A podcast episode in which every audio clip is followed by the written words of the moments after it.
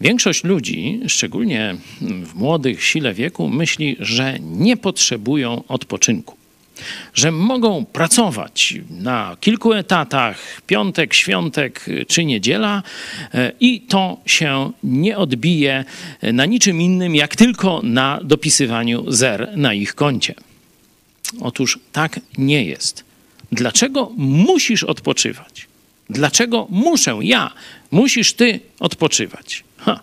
Otwórz księgę rodzaju, pierwszą księgę Biblii i zobaczysz tam Boga, który najpierw czyni człowieka na swój obraz i podobieństwo, a potem w drugim rozdziale mówi: I odpoczął Bóg. Po pracy odpoczął. Na siedem dni jeden przeznaczył na odpoczynek. Później, kiedy wychowywał naród izraelski, jeszcze ten odpoczynek zwiększył im, żeby e, od czasu do czasu mieli święta, niekiedy wielodniowe. To dzisiaj namiastka urlopów. Nie? Że trzeba się na tydzień, dwa oderwać od normalnego życia i przenieść w jakiś inny wymiar, czym innym się zająć. To nie jest fanaberia.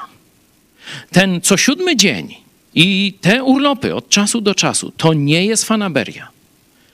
To jest odpowiedzialność za wzór, jaki, na jaki nas Bóg stworzył.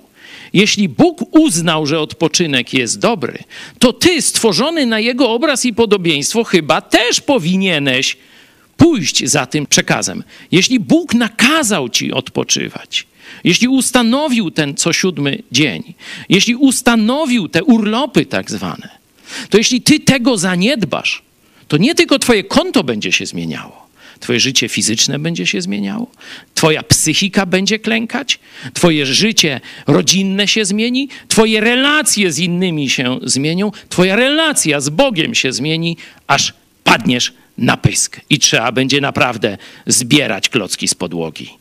Odpocznij już dziś.